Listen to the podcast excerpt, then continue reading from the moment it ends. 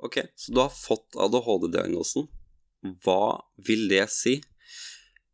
Hodet mitt spant veldig mye da jeg fikk den diagnosen. Jeg visste det innerst inne, jeg hadde visst det en god stund siden jeg begynte å lære om det. Men så kom diagnosen, og ting Det glapp ikke, men jeg følte meg veldig tom og veldig full samtidig. For hva er ADHD? Hva er det som skjer med oss? Hva er grunnen til at vi har de, de utfordringene vi har? Det skal vi snakke om her nå. For jeg er helt sikker på, jeg vet med sikkerhet at så mange har følt på det samme, og føler på det samme kanskje akkurat nå, kommer til å føle på det.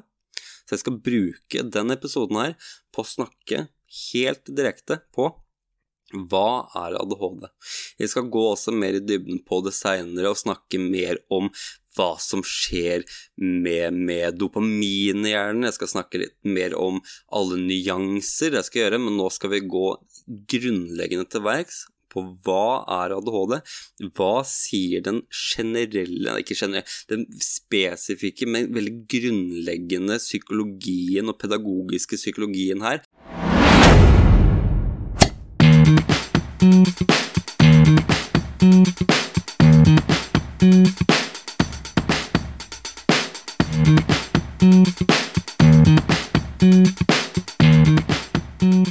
Og velkommen tilbake til en ny episode av Klart du kan.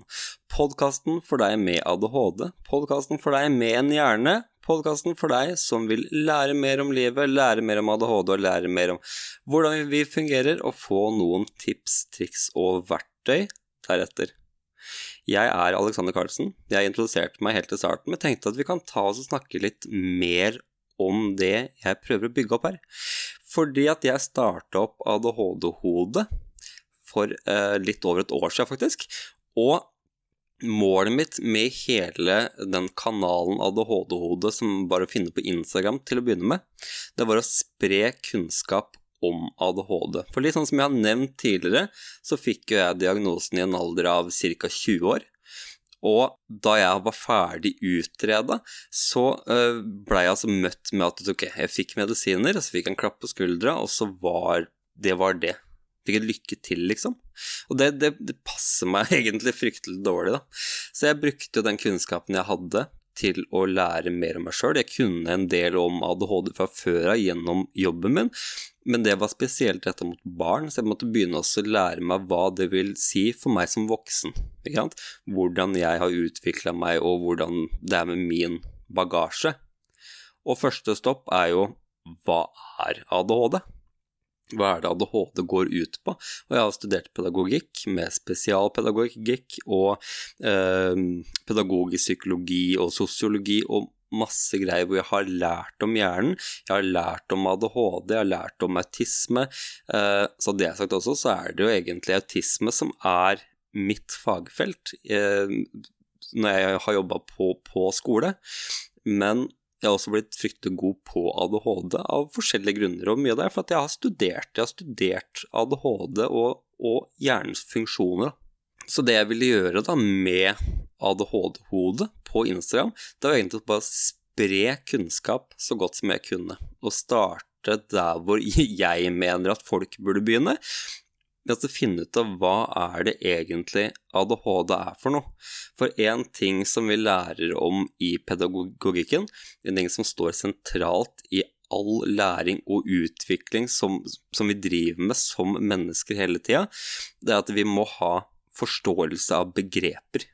Og når du da får forståelse for begrepene du driver med, la oss ta matematikk som eksempel. Hvis ikke du vet hva begrep pluss vil si, og hva, hva det begrepet gjør for noe, du ikke har forståelse av begrepet, så kan du heller ikke bruke det. For å lære et begrep, ok, jeg har lært et ord, det er greit nok, men begrepsinnlæringa handler om så mye mer enn å bare kunne lære hva et ord er for noe. Du må kunne forstå rekkevidden av det, hva det vil si. Så når jeg prøvde å leite etter informasjon om ADHD, når jeg fikk diagnosen, så fikk jeg sånn bitte lite hefte med et ark hvor det sto at jeg kunne ta kontakt med ADHD Norge, så var det noen nettsider, eh, og så var det en, en bok man kunne gå til anskaffelse av. Det var det, det var det, jeg fikk.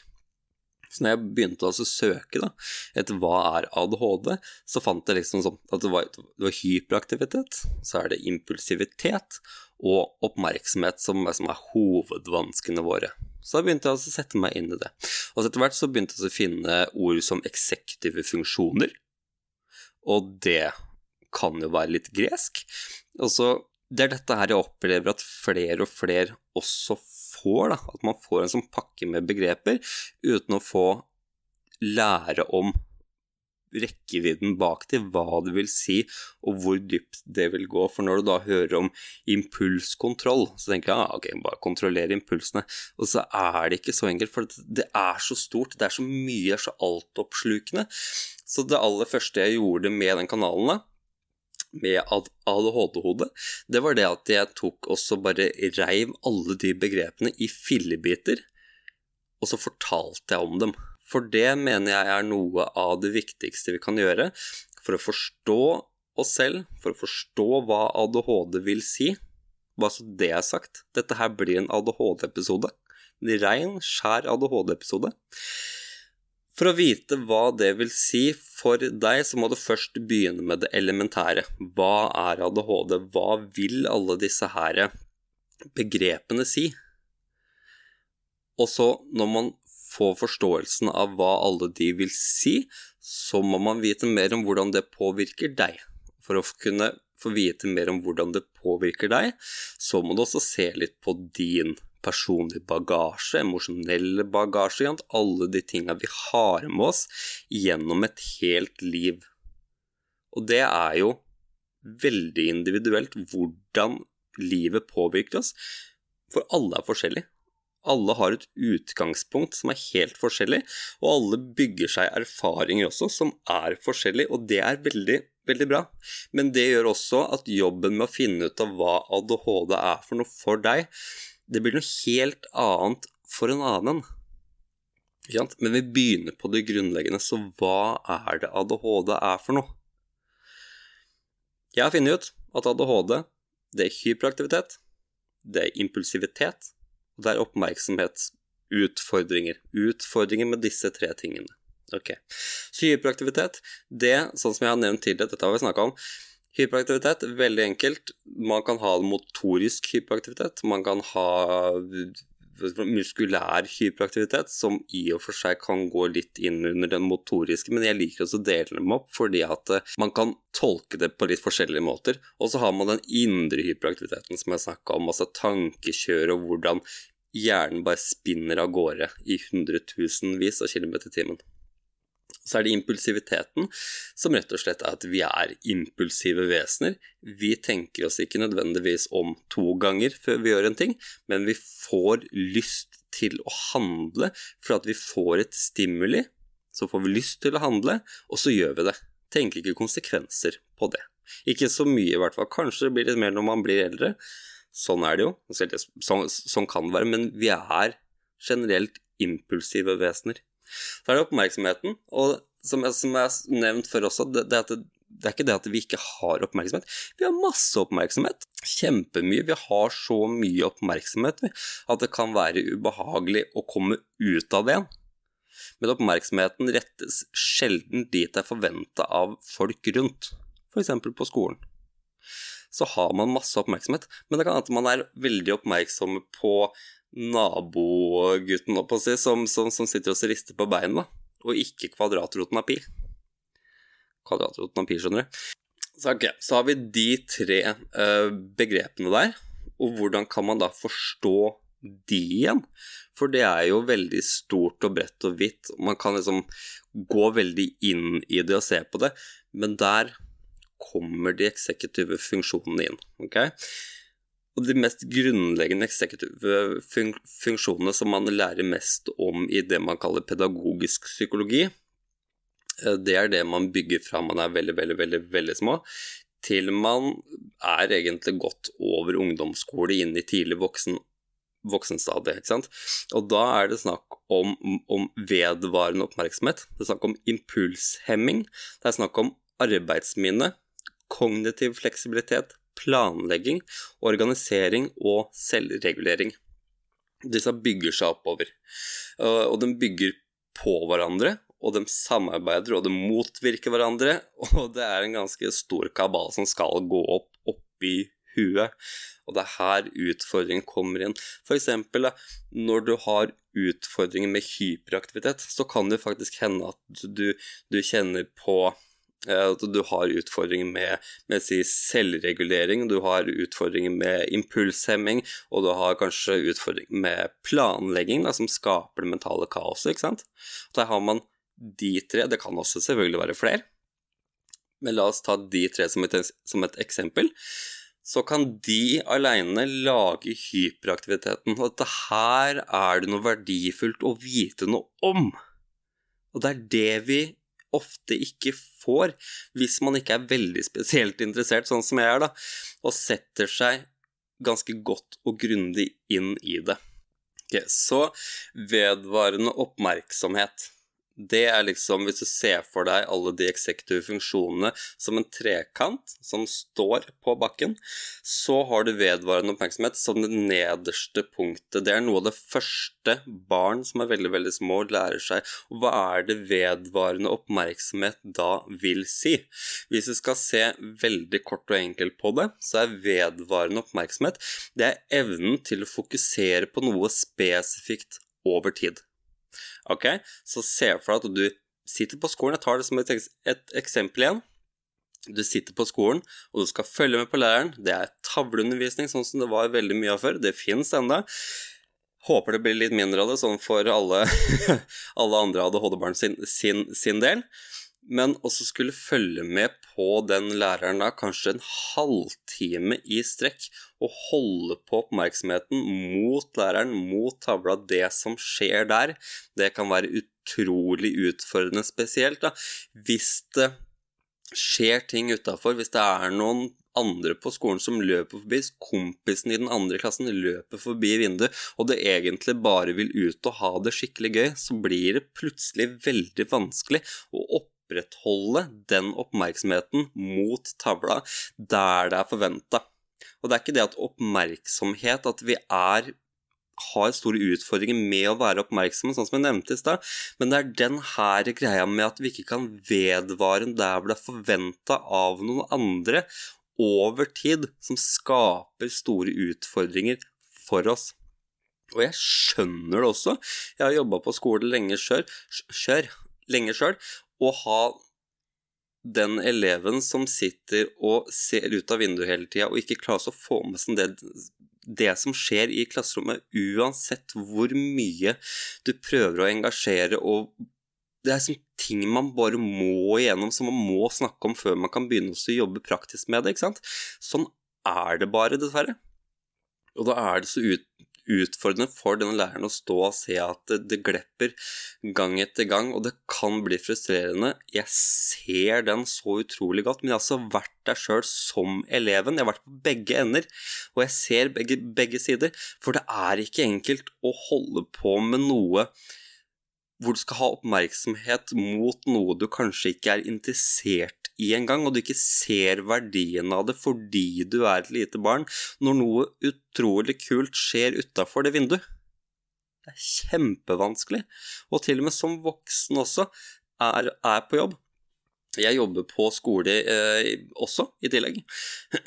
og det jeg merker da, at når jeg skal være sånn Tor-lærer, holdt på å si, da, hvor jeg skal liksom være støttende til læreren som holder undervisninga, med å holde litt ro her og der. Jeg skal gå over og se, jeg skal hjelpe de som har småspørsmål som, som, som trenger den lille ekstra piffen, ikke sant? Og så ser jeg noen andre barn eller voksne som er utafor, som jeg gjerne skulle ha snakka med. Jeg ser noen som spiller slåball ute i friminuttet mens, mens, mens, vi sitter inne, som har det skikkelig kult. Jeg tenker at å, der skulle jeg vært, og jeg hadde grusa dem fordi jeg, jeg, er skikkelig god på å treffe ball. Og det har vært fett. Og så går jeg inn, og så må jeg snappe meg sjøl ut av det. Jeg må posisjonere meg det har gått såpass langt, jeg må posisjonere meg i det klasserommet sånn at jeg ikke blir distrahert av det, jeg også. ikke sant? Og jeg bor tett inntil Gardermoen. Jeg jobber tett inntil Gardermoen på den skolen. Og det er fly Unnskyld. Det er fly som flyr over og flyr forbi, og jeg digger fly. Det er også nevnt mange ganger på alle kanalene mine, for jeg er utrolig fascinert av fly, og jeg digger det. Å høre fly som flyr over da, og hele min mentale kapasitet, den bare vush, over på det flyet som kommer. Og jeg har så lyst til å se det, for jeg hører kanskje liksom at det er en Boeing som skal inn for landing, og hele mentalkapasiteten bare Jeg vil se! Så kan jeg ikke det, for at jeg er på jobb, og jeg må gjøre det som er forventa, og jeg liker den jobben, jeg syns den er skikkelig kul, men det er utfordringer ved det der. Sånn er det, altså. Så har vi det som heter impulshemming, og når man hører på folk snakker om impulser, så er det impulskontroll man hører. Ok, impulskontroll, men kan man egentlig kontrollere impulser? For impulser som kommer inn Altså, vi, vi, vi tolker informasjonen hele tida. Noen ganger så kommer det informasjon man har lyst til å agere på. Noen ganger så lukter det skikkelig digg når man går inn i et hus og man bare får lyst til å spise opp alle de bollene eller ta den pizzaen med en gang, for man kanskje er litt sulten i tillegg. Man agerer på dem. Og når man får så mange impulser inn hele tida, så kan man ikke bare gå inn og kontrollere dem. For det som skjer hos si, mennesker uten ADHD og autisme eller nevroutviklingsforstyrrelser, som det jo går klassifisert inn under, så klarer hjernen å selektere ut det som er viktig. Det klarer å stoppe og hemme de impulsene som ikke er ønskelig at man får i situasjonen. Så hvis du da kjøre, kjøre bil, og du får lyst til å bare vrenge av veien, og ikke ikke av veien, men inn på bensinstasjonen, for at du har lyst på de bollene som er der, og du egentlig er litt sulten, og du har lyst på en sånn stor ostepølse i, i, i brød, men du skal rekke det bryllupet som egentlig skulle begynt, så kan du ikke bare gjøre det. Og det å kunne hemme de impulsene som kommer inn, det kommer alle sånne småimpulser inn, så vil man også kunne fungere mye bedre i det daglige, i hverdagen. Men, men her kommer jo utfordringa for oss, ikke sant. For å hemme de impulsene, det er ikke alltid så enkelt. Og man kan ikke gå inn og kontrollere dem, for det er ikke optimalt. For det blir altfor mange å holde kontroll på så vi må hemme dem. Så har vi arbeidsminnet, da, som egentlig er det som nå, nå, nå, nå, kan vi ikke tenke på at arbeidsminne er korttidsminne. Vi kan gå litt inn på det. Korttidsminne, det er når du får informasjon inn gjennom en av sansene dine. Du ser noe, så klarer hjernen din å holde på det bildet i sekunder, kanskje litt mer også, men sånn at hjernen får prosessert det. Det er korttidsminnet ditt. Det er det som gjør at du klarer å holde på informasjon og prosessere det nok til å lage en sammenheng. Men så er det arbeidsminnet som er det som gjør at du klarer å holde på flere sekvenser bortover, sånn at livet ditt får en mening. Hvis du leser en bok, så leser du setninger og hvis du da har lest tre setninger, men du ikke husker den første setningen, så vil ikke boka gi noe mening for deg. Og der kommer arbeidsminnet inn, og den arbeider med de minnene bortover som en tallelinje, sånn at ting du driver med, samtaler du er i, ting du ser når du kjører bil, du veit hvor du har vært, du veit hvor du skal, så får alt rundt oss en mening. Det hjelper arbeidsmin arbeidsminnet vårt oss med. Så har vi kognitiv fleksibilitet, og den syns jeg er veldig fascinerende sjøl også. Fordi at vi skal jo være fleksible vesener, og spesielt i det samfunnet vi, vi, lever i i dag, så trenger vi å ha en viss mengde fleksibilitet i oss. Og ikke sånn at vi klarer å bøye oss i bro, for det klarer ikke jeg nå i en alder av 31 år. Jeg har ikke sjans, jeg er ikke fleksibel i kroppen i det hele tatt. Men vi trenger den kognitive fleksibiliteten som gjør at vi klarer å skifte fokus hurtig, hurtig, som gjør at vi klarer å skifte fokus hurtig, som gjør at vi klarer å holde på flere eh, informasjonskilder samtidig. Hvis du har tre barn, så er det greit å ha en viss anelse om hva som skjer, hvis de er små, selvfølgelig. Viss anelse hva som, hva som skjer. For ja, altså jeg har tvillinger. Og jeg har stort kontroll på fireåringen. Han klarer seg mer og mer sjøl, men de to små de er veldig små, og de klarer seg ikke sjøl, men de har begynt å kunne klatre på ting. Hvis du har én som klatrer på kjøkkenet og én som klatrer på stua, så må du kunne holde litt styr på begge de to samtidig, ellers så blir det skumle ting som skjer. Jeg lover. Og her kommer også den kognitive fleksibiliteten inn, og så hjelper oss med å holde flere perspektiver, som det heter, holde flere informasjonskilder i hodet samtidig, og kunne skifte mellom dem. Og se for deg at du sitter ved matbordet. Jeg har kone, jeg har tre barn, vi sitter ved matbordet sammen, og kona har kanskje lyst til å snakke litt om noe, fireåringen har lyst til å snakke om noe, jeg har to små barn som sier eh, eh, pappa, mamma, og har lyst på, lyst på kontakt så må man på en måte være fleksibel nok til å kunne rette fokuset flere forskjellige steder og bytte mellom de perspektivene relativt hurtig. Og det med, med, med, matbordet, det er bare et lite eksempel, for dette her skjer rundt oss hele tida. Og utfordringer med kognitiv fleksibilitet, det kan gjøre at de skiftene f.eks blir veldig utfordrende, og det blir sånn at du må bruke mye mental kapasitet på å fokusere der det trengs mest. Så når min eldste sønn skal snakke om et eller annet, og jeg har to av de minste som sitter på hver sin kant, og den ene vil ha mer mat, og den andre vil ha et eller annet fra, bordet av noe annet slag, eller trenger å bli vaska eller tørka eller eller noe sånt noe, så må jeg skifte veldig, veldig hurtig, og jeg kjenner at jeg blir veldig sliten av det. Det koster veldig, veldig mye, og hvis det blir for mange av disse tinga som man må skifte mellom, så kan det være veldig frustrerende. Frustrasjonen der, den er ikke god, og den skaper ubehag, og den er med på å forsterke mye negative effekter, som hvis du da ikke har den impulshemminga som, som, trengs, så kan det trigges. Man kan føle på et sinne, man kan føle på Frustrasjon er jo egentlig en følelse som kan skape sinne hvis frustrasjonen blir stor nok, som et eksempel. Så har vi planlegging. Vi har egentlig planlegging og organisering. Dette går jo opp i den trekanten som jeg snakka om.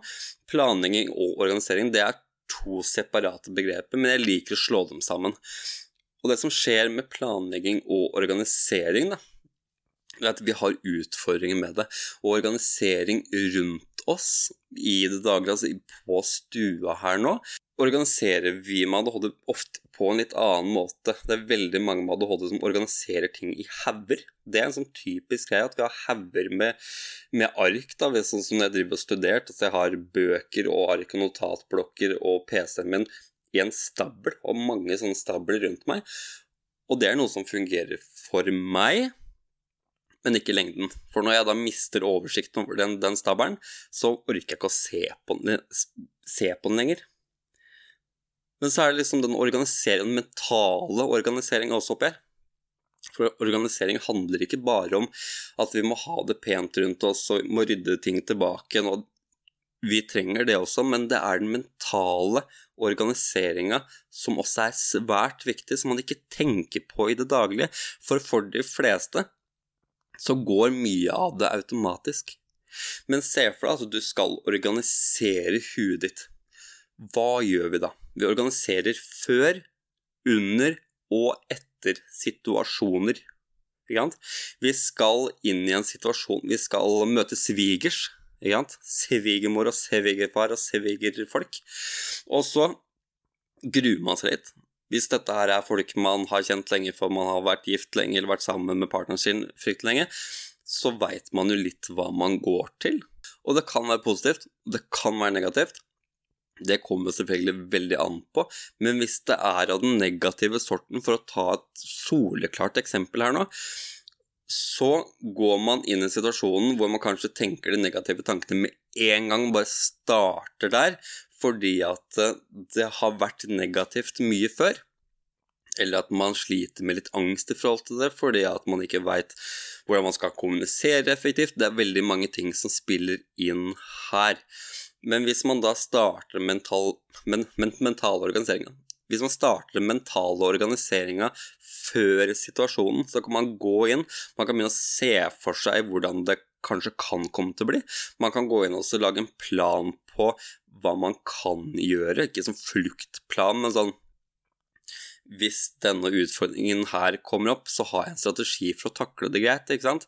Og gå inn i en situasjon på en mer positiv måte. Og så kommer du dit, du er der, og du begynner å jobbe med deg sjøl. Du kjenner kanskje det positive eller det negative. Begynner også å pippe litt fram, og så begynner du å organisere hodet ditt rundt det. Ok, jeg har strategier, jeg har verktøyer, jeg kan gå med en tur, jeg kan si ifra at det ikke er greit, sette grenser.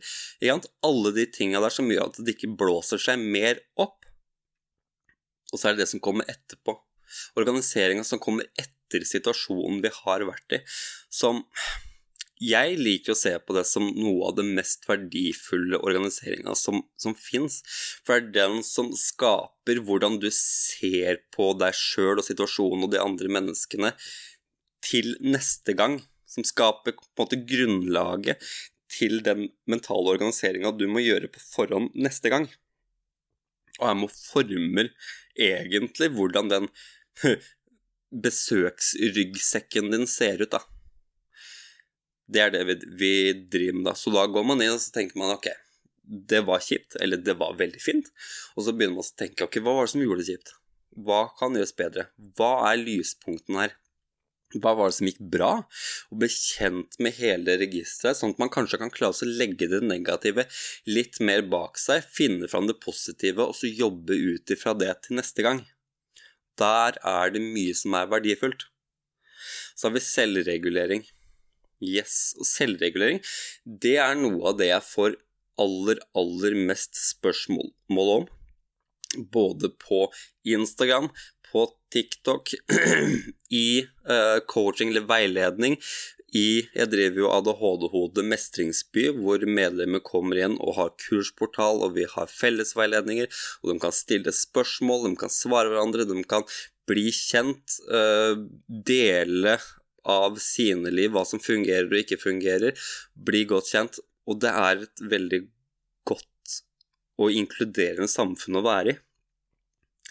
Og det jeg skulle si om selvregulering da, at jeg får veldig mange spørsmål om selvregulering. For hva er selvregulering?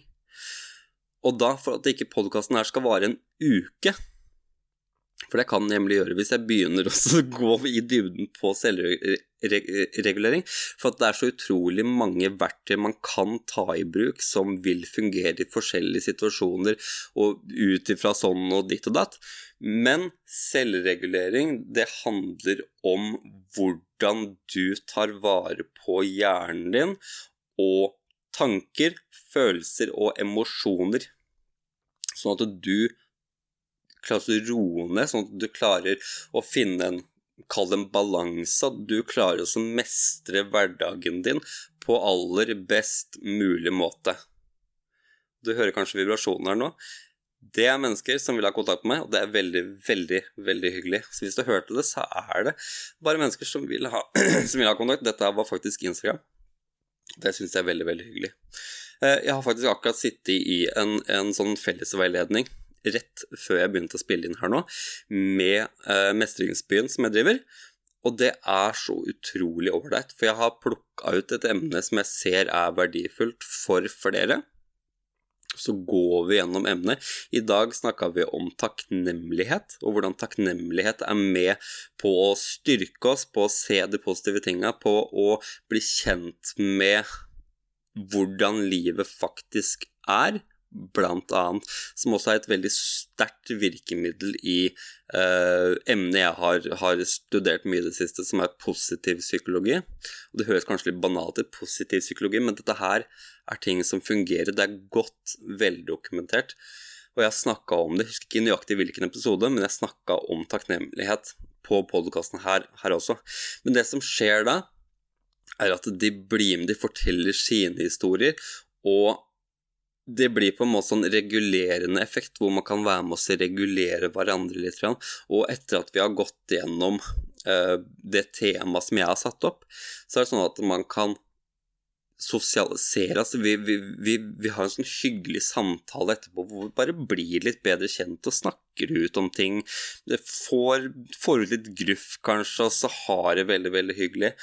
Og jeg har Jeg kan ta den. Jeg har en, en, en flam, flamingodress. Uh, så har jeg sånt strutteskjørt som kona mi sydde, sydde til meg fra en, en, en annen skole jeg jobba på, hvor vi skulle kle oss ut. Uh, så jeg tok på meg den. Nok om det. nok om det. Jeg kan ta og legge ut et bilde på Instagrammen til podkasten her med det på. Nå har jeg sagt det, så skal jeg jaggu meg gjøre det også. Men å ha det samfunnet der er også med litt på å ha en regulerende effekt. Det vil jo ikke være regulering i seg selv, men å bli kjent med andre og så starte å lære om diagnosen. Hvis det har noen spørsmål, og så kommer jeg med en innsikt fra pedagogikken eller pedagogisk psykologi, ikke sant?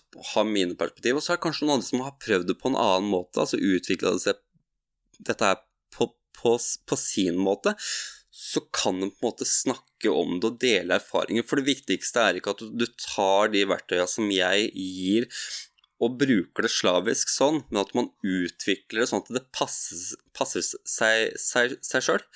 For at vi er forskjellige, som jeg snakket om helt ja, nesten innledningsvis også. Vi har våre personlige bagasjer, vi har våre mestringsstrategier fra før av som har fungert til større eller mindre, bedre eller dårligere grad, selvfølgelig. Men vi er veldig forskjellige, at vi kan bruke hverandres synspunkter og, og ting man har testa ut for å lage en helhet som passer bedre for oss sjøl, det er alfa og omega når vi snakker om f.eks. selvregulering. Okay, jeg mener det at eh, å jobbe med de eksekutive funksjonene, lære om de først, og skjønne hva det vil si for deg som den personen du er og har utvikla deg til å bli, bli, bli, det er det mest grunnleggende du kan gjøre for å starte på kall reisen med å bli kjent med deg sjøl. Jeg mener det er så viktig at det er den aller første modulen, som er en lang modul, hvor jeg går inn i dybden på hva eksekutive funksjoner er, altså de mest grunnleggende eksekutive fun fun funksjonene. Det er det første du kommer til når du går inn i kursbiblioteket i ADHD-hodet mestringsby. Jeg legger en lenke til det i, eh, i det, description eh, på, på denne episoden her. Men da går jeg i dybden på det, og det er bare starten på den reisen med ADHD og selvutvikling, og å finne veien til et sted hvor du har det mye bedre. For det er jo litt sånn at vi med ADHD, som får ADHD i voksen alder, vi har ofte slitt veldig mye opp igjennom. Vi har hatt en del utfordringer som har skapt en del negativitet hos oss. Kommer ikke unna det, dessverre. Det er en sånn sak jeg hører gang etter gang etter gang, og det, jeg, jeg, synes det er så utrolig trist at det er sånn det skal være. Men jeg har lagd det verktøyet her, man kan komme inn, og man kan ta det. Det er flere kurs der også, og det blir enda flere kurs også, med fellesveiledninger og masse samtaler og god, god stemning, og et sted hvor det er greit å ha ADHD. Det er greit å være annerledes, det er greit å være deg sjøl som den du er. Og det er det mye verdifullt i, og det observerer jeg daglig der inne. Og jeg kjenner det på meg sjøl at jeg, jeg, jeg syns også det er godt å ha den gjengen der til litt støtte, litt moralsk, altså. Vi må bruke det vi har. Så da har jeg prøvd også å lage det som et samfunn hvor vi kan være oss selv og drive selvutvikling. Ok, Så dette her var veldig kort og enkelt om eksekutive funksjoner. Jeg vet Unnskyld. Jeg vet veldig mange har hørt begrepene. Jeg har lyst til å snakke litt mer om det, jeg har lyst til å gå litt i dybden på det. Så jeg kommer etter hvert, på sikt, kommer jeg til å lage flere episoder hvor jeg går enda mer i dybden på det. Men igjen, hvis du vil, gå inn, ta kurset. Du kan ta det som selvstendig kurs til Hva er ADHD-kurset, eller bli med i Mestringsbyen for mer påfyll uke etter uke etter uke.